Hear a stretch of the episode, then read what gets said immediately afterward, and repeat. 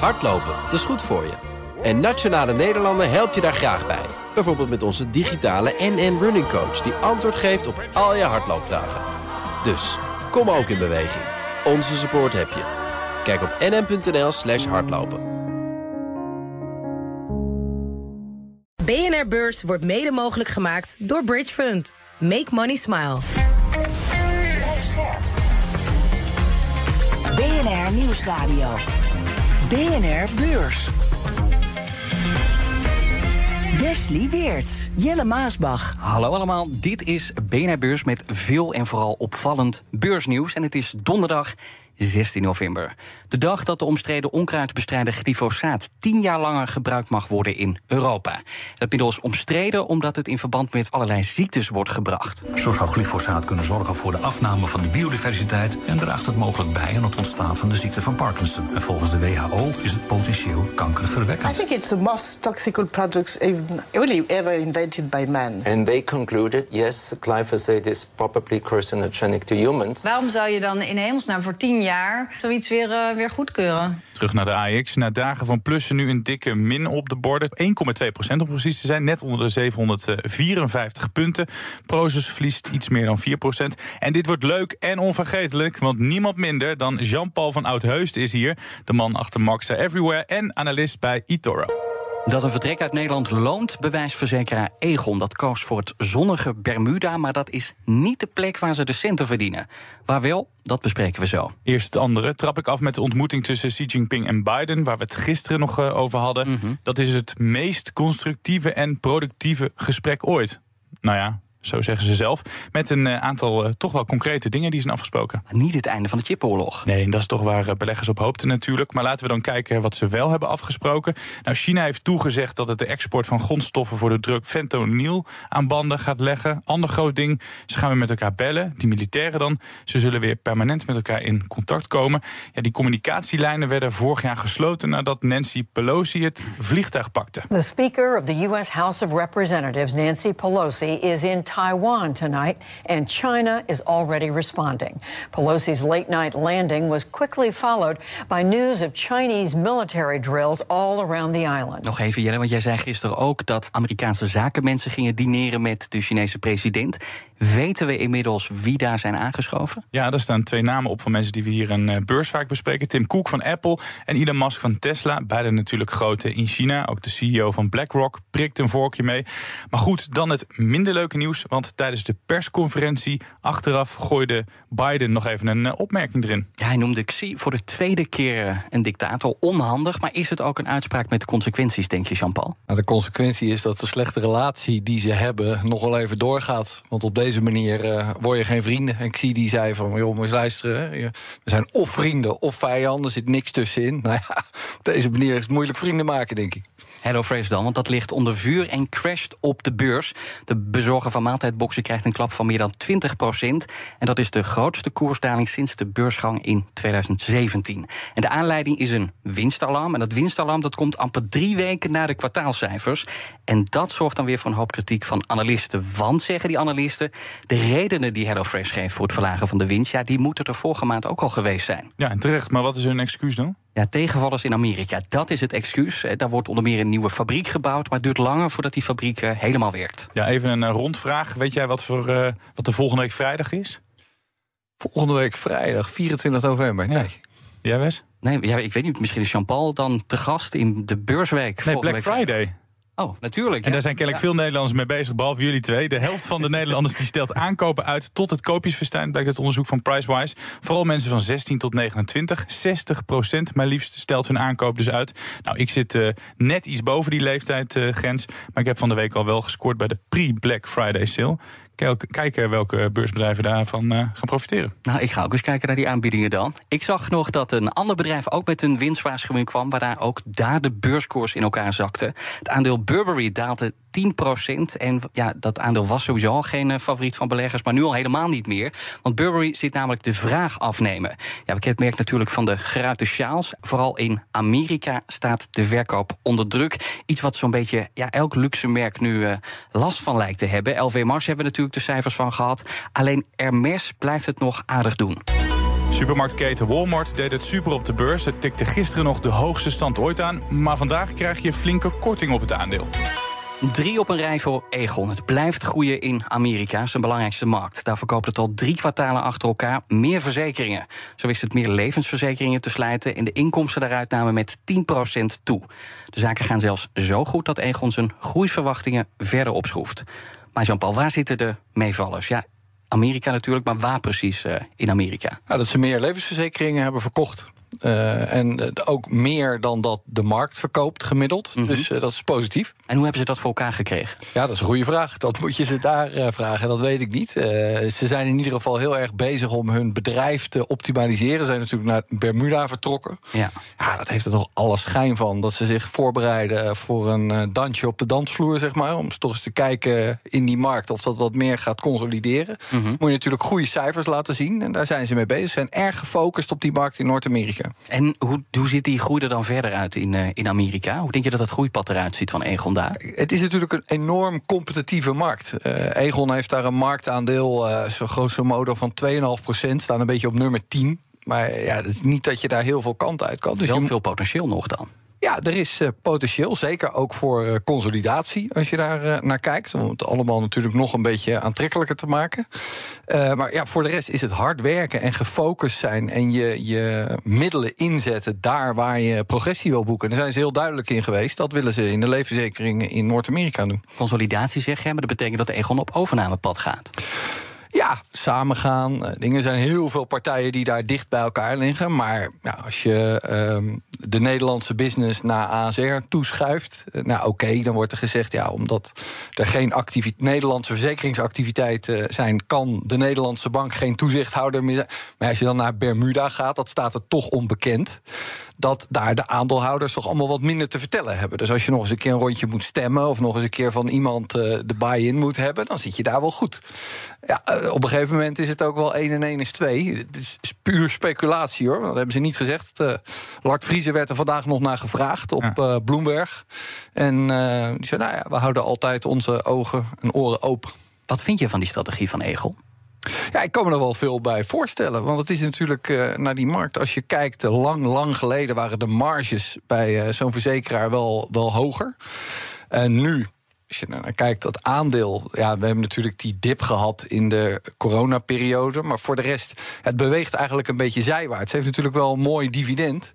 Maar het is gewoon moeilijk te zien uh, ja, het is gewoon een concurrerende business waar je nou heel snel even hard kan groeien. Ja, en uh, ze willen zelf nog volhouden dat ze toch nog wel een beetje Nederland zijn. Maar het gaat vooral natuurlijk om dat Transamerica, wat Wesley jij net ook zei, die Amerikaanse markt. Zie jij ze ooit nog een keer naar een heel ander werelddeel gaan? Of gaat het zich echt daar concentreren op Noord-Amerika? Nou ja, dat is nu wel het grootste. Ze zitten natuurlijk ook in het Verenigd Koninkrijk. Daar gaat het uh, ja, uh, sommige onderdelen goed, sommige onderdelen wat beter. Mm -hmm.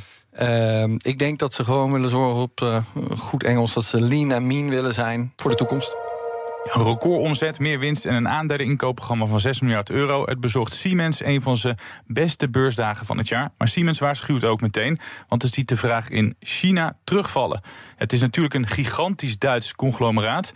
Dus ja, wat draait er goed? Ze zijn natuurlijk in de kern uh, bezig, eigenlijk met alle units die ze hebben, uh, met het digitaliseren van uh, het leven van alle dag. Mm -hmm. zeg maar. Dus ze kijken naar bedrijven, ze kijken naar infrastructuur, dat soort dingen. Ja, daar hebben ze een heel goed kwartaal gedraaid. dat zit in een aantal ja, goede deals die ze hebben gedaan. Het is wel een beetje jammer dat ze om, hebben ze een keer een goed resultaat, dat ze dat meteen weer de, de kop in moeten de drukken. kop indrukken om te zeggen, nou, de volgende keer gaat dat uh, minder goed. Ja, want ze waarschuwen voor China. Nou, we hebben het met jou heel vaak over China. Wat zijn dan de Chinese problemen voor Siemens? Ja, het, het, is een beetje het algemene verhaal. Dat ze zeggen, het, het land heeft gewoon uh, minder economische groei. Ze hebben die vastgoedcrisis. Daardoor wordt er ook wat minder gebouwd, wordt wat minder geld uitgegeven. Uh, dat is wel iets uh, ja, wat ze hadden meegenomen. Dat voor Siemens is China wat dat betreft heel belangrijk. En ze hebben daar toch duidelijk signalen blijkbaar. Ze denken van ja, dat gaat de komende tijd toch iets minder.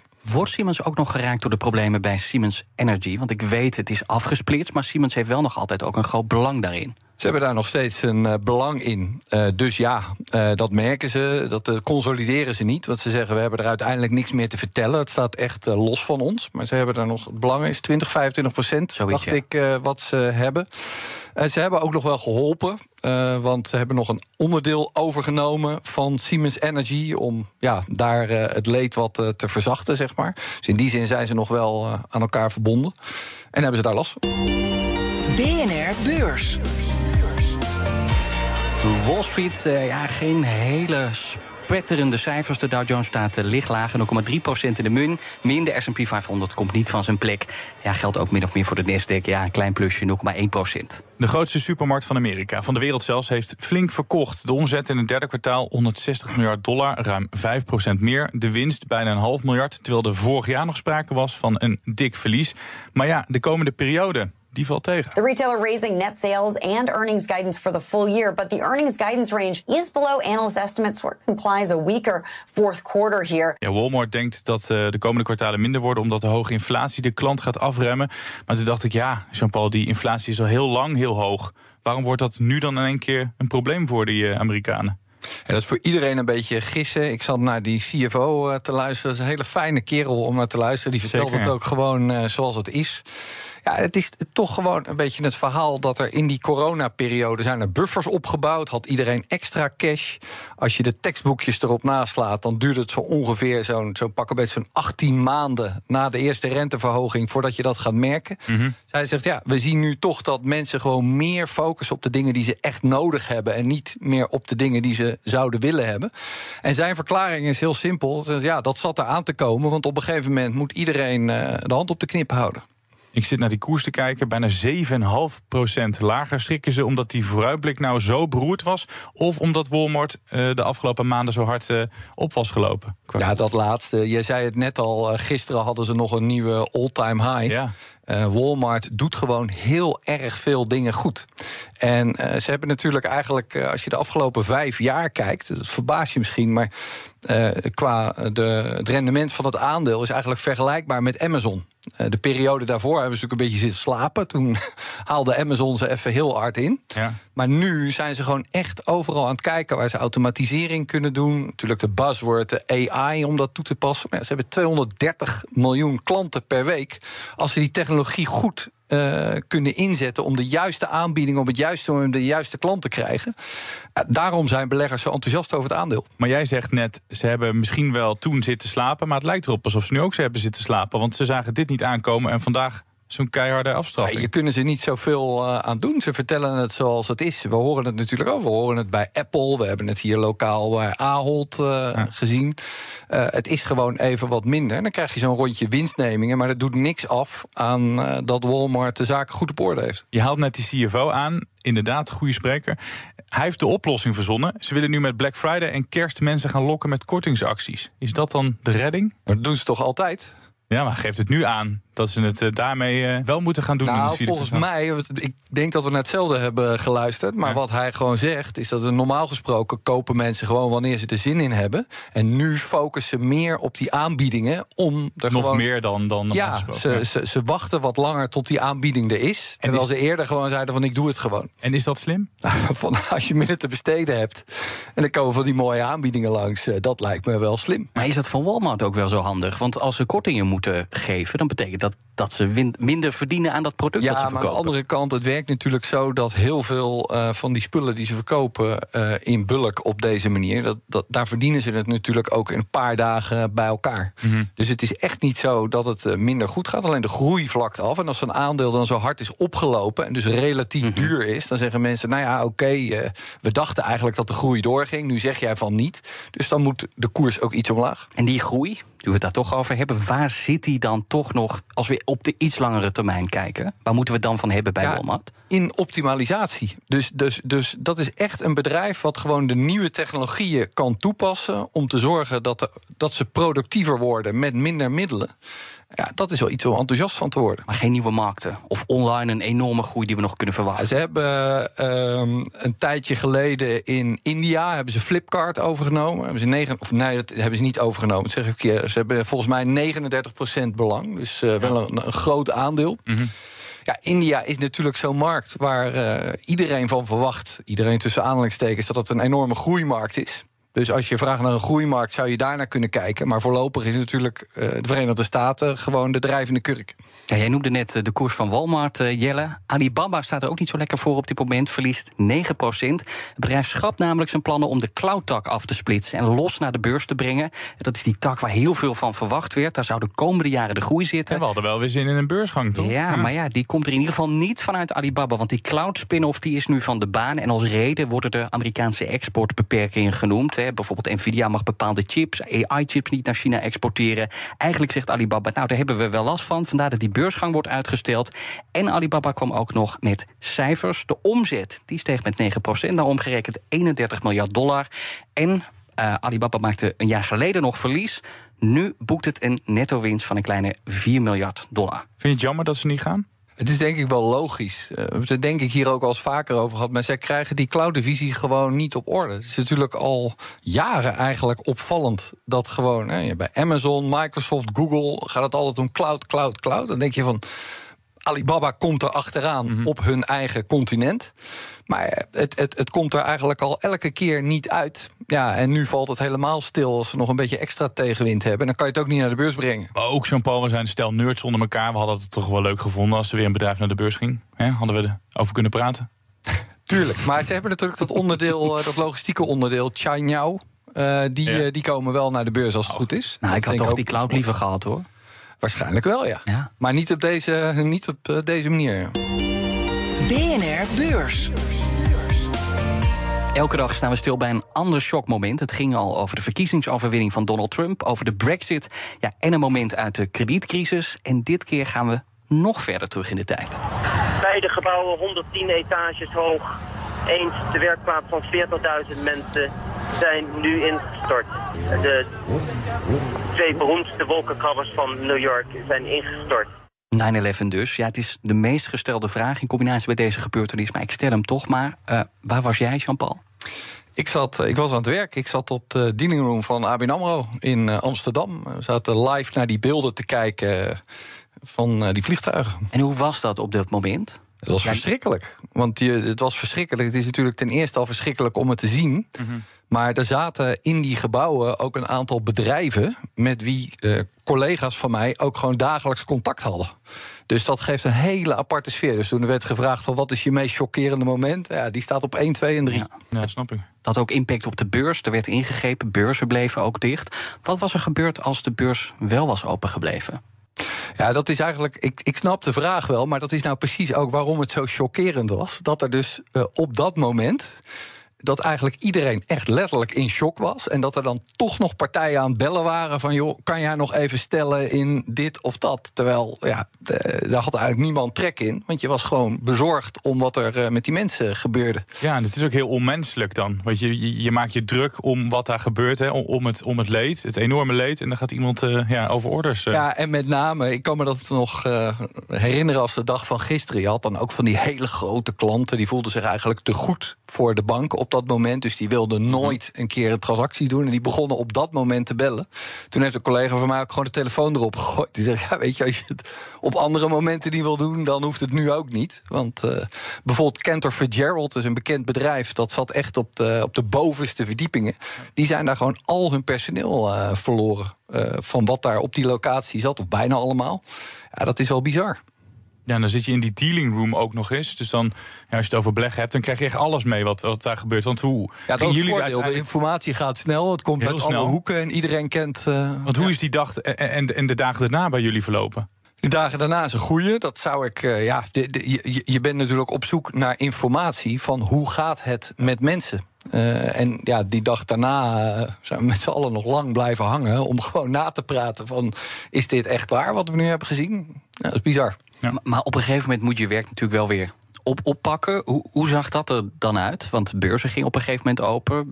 Nou, luchtvaartmaatschappijen, verzekeraars, ja, die kregen de volle laag. Hoe heb je dat toen, toen opgepakt? Hoe heb je toen ook gehandeld op die, op die gebeurtenis? Nou ja, je moet natuurlijk eh, kijken uh, waar het op een gegeven moment weer kan. Dat is natuurlijk het, uh, het perverse. Dat op een gegeven moment gaat het werk ook gewoon weer door. En je zit niet zelf daar. Dus er zijn natuurlijk hier allerlei dingen die je gewoon kan doen. Ja. Ja, de volatiliteit zat er natuurlijk goed in. De rente die ging binnen no time enorm omlaag. ja, je gaat gewoon weer naar de markten zitten kijken zoals je elke dag doet dat is de wat in die periode daarna komt. Er wordt heel vaak gezegd: 9-11 heeft de wereld veranderd. Heeft het ook de beurs veranderd? Nou, de beurs, ja, uh, uh, letterlijk uh, in de zin dat die, die Twin Towers natuurlijk gewoon naast Wall Street staan. Ja. dus ja, dat is natuurlijk wel een gedenkwaardige plek in die zin. Maar de beurshandel aan zich, ehm, nou, weet ik niet, zou ik over moeten nadenken, maar niet 1, 2, 3. tijdelijk wel, maar op langere termijn ja, gaat natuurlijk uiteindelijk alles weer verder. En gelukkig zijn het ook niet gebeurtenissen die vaak uh, uh, gaan plaatsvinden. Nou, dan mogen we niet open. Nee, nee. Dat was uh, één keer is genoeg. Tot zover de Verenigde Staten. We gaan het hebben over Nederland. Mocht je ondernemer zijn en nu luisteren, gefeliciteerd. Want het is de dag van de ondernemer. Volgens de organisatie word je in het zonnetje gezet. Dus ja, dat is een leuke laatste werkdag. Dan naar de Nederlandse Bank, want dat heeft uitgezocht hoe actief Nederlanders zijn op de beurs. De vorige keer bleek uit een onderzoek dat Nederlanders goed verdiend hebben, want hun beleggingen werden 5 miljard euro meer waard. In totaal zaten ze op een berg van 165 miljard euro. Het waren vooral Tesla, ING en Egon die geld opleveren. En we gaan zien of die drie nog steeds de inkomstenkart trekken. Tot slot nog inflatienieuws, want deze dag maakt het Europese CBS bekend hoe hard de prijzen in de eurolanden stijgen. Dit was de BNR Beurs van donderdag 16 november. En wat een reis was dat. We hebben het gehad over Bermuda. Daar trok eh, Egon naartoe. Maar het geld wordt verdiend in Amerika. In Amerika was ook de verzoeningspoging tussen Joe Biden en Xi Jinping. En diplomaat als Biden is, noemde die Xi voor de tweede keer een dictator. Ook ging het over de Amerikaanse consument. En zeg je de consument, dan zeg je Walmart. En zeg je beurs, dan zeg je Jean-Paul van Oudheusden. De man achter deze podcast en natuurlijk Mark Everywhere. En morgen hebben we nog één handelsdag te gaan. En het is ook de dag van BNR Beursweek. Met jouw vraag, maar dan moet je wel opsturen. En dat kan naar bnrbeurs.bnr.nl. Tot morgen. Tot morgen. BNR Beurs wordt mede mogelijk gemaakt door Bridge Fund. Make money. Hardlopen, dat is goed voor je. En Nationale Nederlanden helpt je daar graag bij. Bijvoorbeeld met onze digitale NN Running Coach... die antwoord geeft op al je hardloopvragen. Dus, kom ook in beweging. Onze support heb je. Kijk op nn.nl slash hardlopen.